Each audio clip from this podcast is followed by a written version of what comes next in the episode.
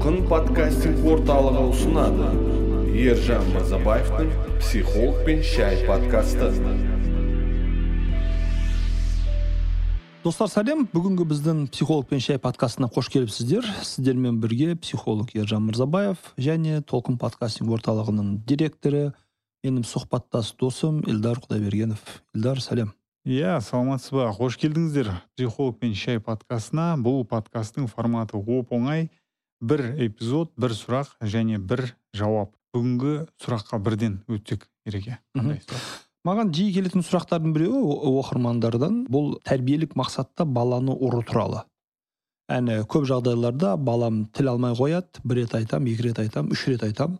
Одан кейін қоймағаннан кейін балама қол көтеремін баламды ұрам. Ә, бірақ неге екенін білмеймін. Ұрғаннан кейін жүрегім ауыра бастайды. Өкінемін неге істедім дұрыс істедім ба дұрыс емес істедім ба? Сол бойынша түсіндіріп беріңізші деген сұрақ. Яғни тәрбиелік мақсатта баланы ұруға болады ма?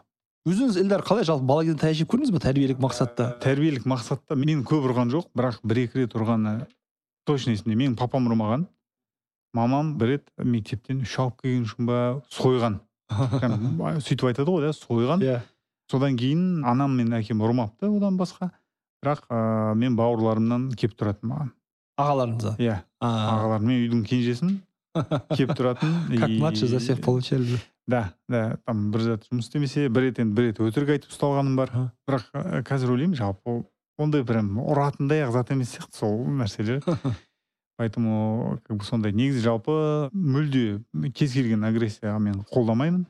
Иә біз қазір кішкентай қызымызды өсіріп жатырмыз келістік шештік что біз бұл балаға не то что ұрыспаймыз иә біз айтамыз әрине бір жерлері дұрыс емес істесе да а, бірақ мүлде ұрмаймыз деп келістік. Менің де осы мәселеде түсінбейтін нәрсем агрессияның ешбір ақталуы жоқ. Ол еркектің әйелге қарсы агрессиясы болсын немесе әйелдің ата ананың балаға деген агрессиясы болсын ақталуы жоқ. Егер ата аналар яғни аналар бағана мысалы маған хабарласқан кісі әйел кісі мен баланы тәрбиелік мақсатта ұрып жатырмын деп өзін ақтауға тырысып жатса ондай болса дәл сол логикамен біз мынаны да ақтай аламыз да ну тогда күйеуі әйелін тәрбиелік мақсатта ұрып жатыр яғни қаншалықты бұл өкінішті ә, ұятты қабылданбайтын мәселе болса тура сол сияқты баланы да ұру соғу оның ақталуы болмайды. Тәрбиелік мақсатта деп менде бір, сразу бір сұрақ. Егер оның ақталуы жоқ нәрсе болса онда неге ұрады? Неге ұрады? Шарасыздықтан. Яғни не істеу керектігін білмегендіктен. Или өздерін ұрған? Қалай қалай как сөйле- шаблон ретінде. қалай сөйлесу керек екенін білмегендіктен баламен конфликт проблема ситуациясында қалай әрекет ету керек білмегендіктен. Ә, баланың ә, кейбір кезде шын мәнінде жағымсыз бір әрекетін жағымсыз бір әдетін қалай тоқтату керектігін білмегендіктен қол көтереді білмегендіктен ұрады. Ал білім жоқ жерде немен әрекет етеді адам? Білім жоқ жерде бір стереотиппен яғни өзі не көрген болса соны қайталайды. Сіз айтқаныңыздай. Екіншісі білім жоқ жерде надандық болған жерде адам ең оңай ең тез шешу методикасымен әрекет етеді. Ол да ұру. И мынандай ақталуды мен түсінбеймін қабылдай алмаймын да мысалға. Мен балама үш рет айттым ғой дейді. Төрт рет айт. Бірақ ұрма. Бес рет айт. Он үш рет айт. Не айту қиын ба? Айту ә, ақылы ма айту айтқан кезде бір нәрсе бір жеріміз түсіп қалады ма? Ал егер мынандай болса ше баласына айтты иә? Ә, apple storeдан ойындарды сатып алма деп. Бір айтты бірақ баласы қайтадан сатып алды. Екі айтты қайтадан сатып алды. Бес айтты қайтадан сатып алды. Тоқтамаса. Ата ана не істейді? Телефон бермейді или? Ата ана сөйлеседі. Сөйлесе береді сөйлесе жоқ баласы- неге деген сұрақ қайда? Неге? Неге сатып алып жатсың Мхм. Мысалы істеме дедім неге істеп жатсың маған керек деуі мүмкін вот маған керек десе значит баламен санасу керек егер маған маған керек мен бұны қолданамын сабақта қолданамын мен бұны ойнаймын бұл мен үшін маңызды мен бұны бұл менің арманым деген кезде отырып алып шын мәнінде қарау керек баланың қажеттілігін сіз егер уақытылы заңды түрде бермесеңіз қамтамасыз етпесеңіз бала ол қажеттілікті заңсыз түрде іске асырғысы келетін болады. Ә, менің бір танысым болған ә, қызық жағдай. Кішкентай кезінде осылай бірінші ма екінші ма класста мектепке барады. Сөйтіп сол кезде андай ә, ниндзалардың маскасына ұқсайтын шапкалар мода болатын. Аузы жабық көзі ғана ашық былай астанада оны көп киеді адамдар. Сіз сол шапкаға қызыққан ғой енді бір классында бір баладан көрген. И ата анасына айтады маған андай шапка әперіңізші дейді. Иә иә иә әпереміз деді ана шапка әперіңізші деді е бар ғой шапка не аласың деді андай шапка әперіңізші дейді да қатты қызығып кетеді. Сөйтіп ата ана әпереміз әпермейміз аны міне кейін қойшы уақыт жоқ деп жүрген кезде бір күні бала үйге сол шапкамен келеді. Е сен мынаны қайдан алдың деген кезде е сол бір досым подарить етті а жарайды дейді. Сөйтеді да ертесіне директор мектепке шақырып жатыр. Не болды? Сіздің балаңыз ұрлық жасады. Сөйтіп қалай болған не болғанын анықтаса бала туалетке кірген ана класстас баласы туалетке кірген шапкасын терезенің алдына қойған. Ол барғанда шапкасын алып қалтасына салып алып кеткен. Яғни бала ой өрісі санасы дамымағандықтан рационалды ойлау қабілеті әлсіз болғандықтан көбінесе эмоциямен инстинктпен әрекет еткендіктен өзін тоқтата алмайды. Тоқтата алмайды. Сондықтан сол ерік жігерді баланың волясын күшейтетін ата ана бала бір нәрсені қатты қалап тұрған кезде я оған дұрыстап түсіндіру керек болмайды істеме дұрыс емес өйткені қарасам былай болады деген сияқты.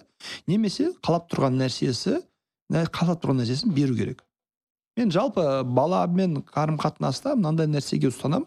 Егер баланың істеп жатқан нәрсесі өзіне және айналасынаға зиян келтірмейтін болса денсаулығына өміріне зиян келтірмейтін болса моральдық нормаларға қарама қайшы болмаса онда мүмкін болғанша баланың айтқанын істеу керек орындау керек. Ойын ойнау мысалға. Яғни компьютердегі apple стордағы сізде үлгі бойынша мысалға ақылы ойындар қымбат тұрмайды олар. мың бес жүз теңге екі мың теңге тұрады мысалға. Ыыы ол мың бес жүз теңге екі мың теңге қайда кетіп жатқан жоқ. Ата ана кофейняға бір, бір кофе ішсе сол ақша кетеді мысалы ресторанда бір отырсаңыз он бес мың теңге спокойно кетіп қалады. Ал бала өзінің қызығушылығына байланысты қалауына байланысты бір ойынға ақша сұрағанына ондай ә, прям бір ұратындай соғатындай реакция көрсеткен ә, дұрыс емес деп ойлаймын.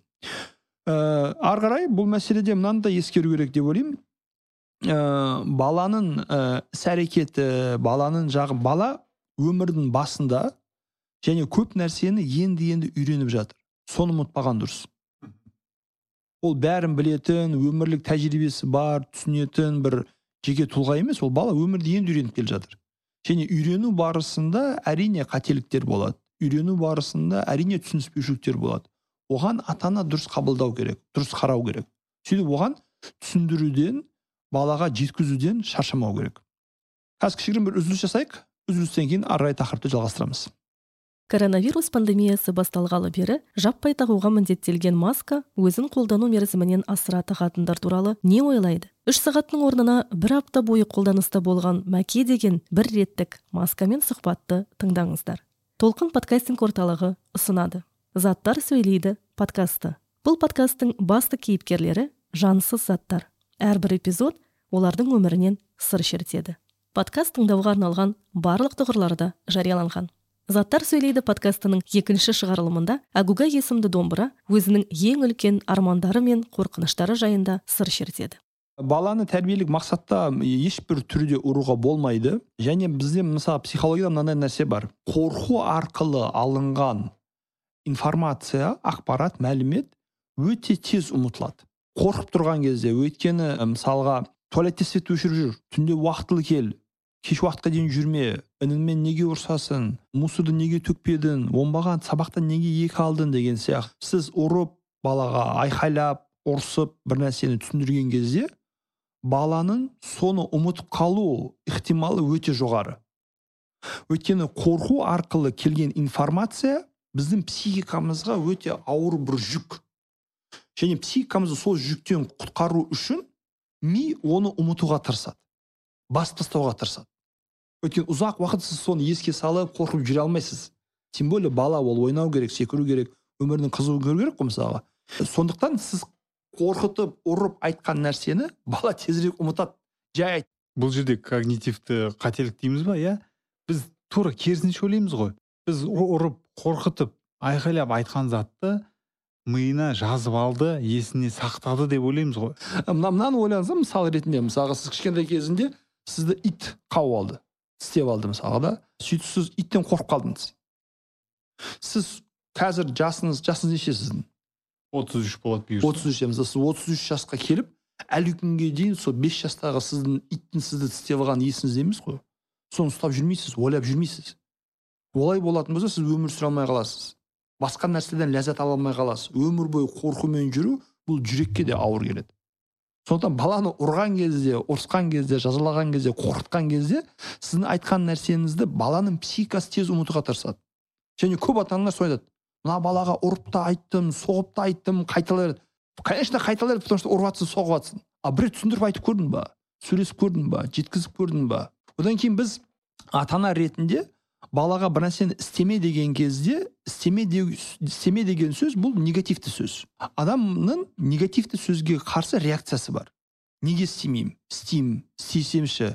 А может істесем қызық болатын шығар? Бұның астарында не бар екен? Сіз қайтаға анда запретный плод сладок дейді ғой. Істеме деген нәрсені сен баланы істеуге итермелейсіз одан да істеме дегеннің орнына не істеу керектігін айтыңыз.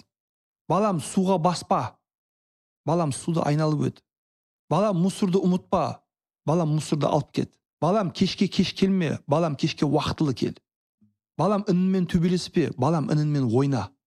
Деген сияқты. Яғни тура сол информацияны ә, дұрыс сөзбен болымды позитивті сөйлемдермен құралған кезде ол еске миға қонымдырақ болады. Қалдыр одан кейін екінші подход бұл ә, балаға бір нәрсе түсіндірген кезде более такой глобальный маңызды тақырыптарды түсіндірген кезде мысалы бала темекі шегіп келді. Темекі шегіп келді. он үш жаста он төрт жаста балалар темекі шегуге қызығады мысалы. Темекі шегеді жігіт болғысы келеді. Темекінің иісін байқап қаласыз ол маған иттің баласы бері кел мен саған көрсетемін жанын шығарамын деген кезде сіз баланы жоғалтасыз.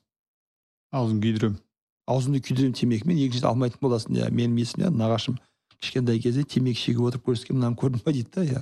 Сенің аузыңда шегіп жатқанын көрсем осы үшін басамын деді. Өзі шегіп отыр. Өзі шегіп отыр. Сондай сияқты яғни балаға сіз не істеу керек ондай кезде? Балаға отырып сөйлесу керек. Ең бірінші әрдайым баланың бұны неге істеп жатқанын білу керек. Себебін білінбеген проблеманы шешу мүмкін емес. Мхм. Балам үстінен темекінің иісі келіп жатыр темекі шектің ба деу керек? Ашық түрде. Бала ата анасына сеніп айту иә пап бір көрген едім қалай болды шектім неге шектің? Қызық болды достарым шегіп жатқан қалай қызу үшін көрді ма ұнады ма? Жоқ ұнаған жоқ балам темекі шегу зиян. Денсаулыққа болмайды. Жаман әдеттердің қатарына жазады. Темекі шекпесем өте қуанышты боламын қара мен темекі шекпеймін мамам темекі шекпейді ағаларым темекі шекпейді жаман болғандықтан зиян болғандықтан біз темекі шекпейміз әйтпесе темекі шегуді біз де білеміз. Біз ештеңе қорықпаймыз да қысылмаймыз деген сияқты. Сол үшін шекпей ақ қойсаң дұрыс болады деп ойлаймын. Болды. Балаға бұл сөз бұл әңгіме жеткілікті. Одан кейін қараңыз осы арқылы сіз не үйрендіңіз? Баланың себебі қоршаған ортасы екен. А демек менің баламның қоршаған ортасы зиянды. Демек менің баламның ортасында айналасында темекі шегетін кісілер бар. Енді ойлаңыз баланы сол ортадан қалай құтқарам? Баланы сол ортадан қалай шығарам? Керек болса мектебін ауыстыру керек болса секциясын ауыстыру керек болса спортқа беру керек болса тренировкаға жіберу керек болса бір үйірмеге жаздырып сол жерде жаңа ортада жаңа достар пайда болсын. Керек болса мұғаліммен мектептегі сынып жетекшімен сөйлесіп осындай осындай балдар шегіп жатыр екен.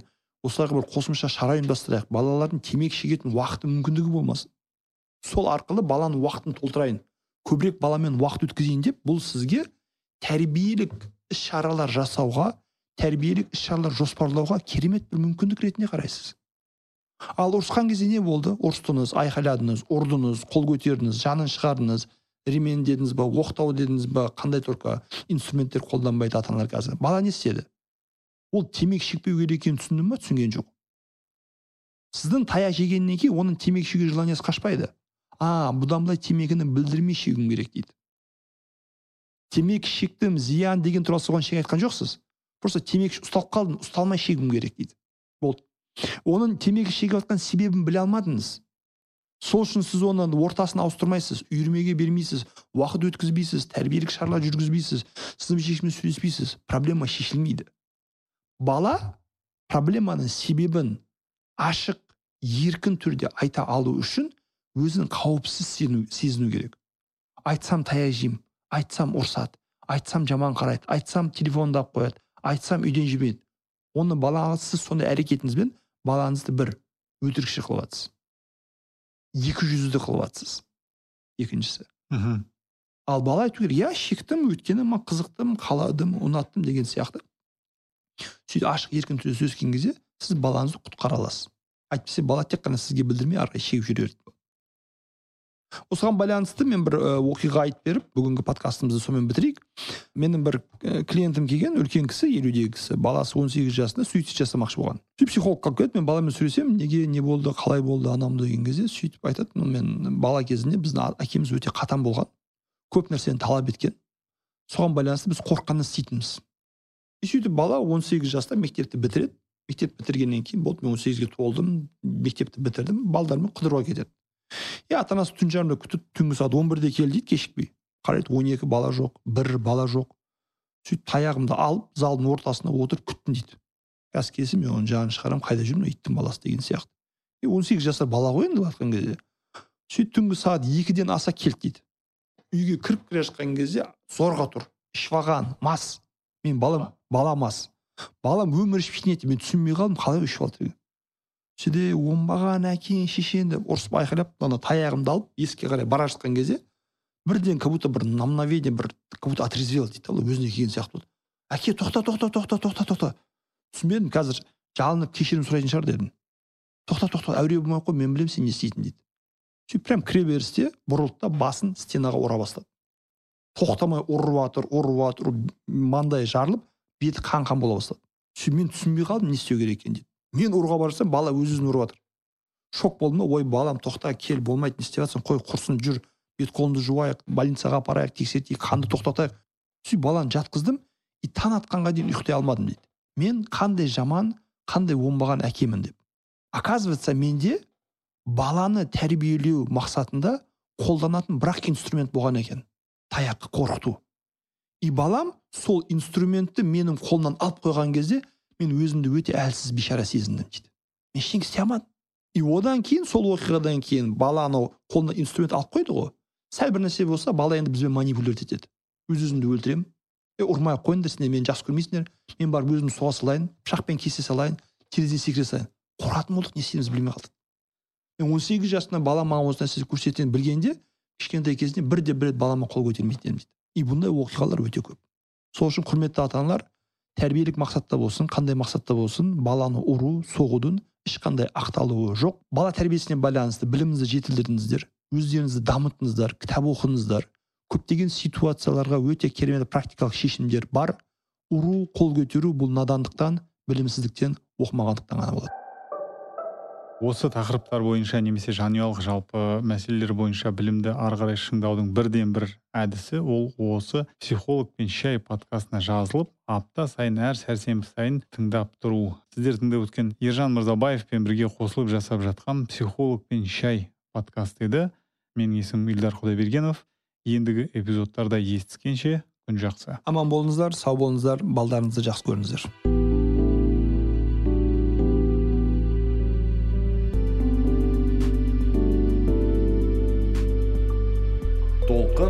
подкастинг орталығы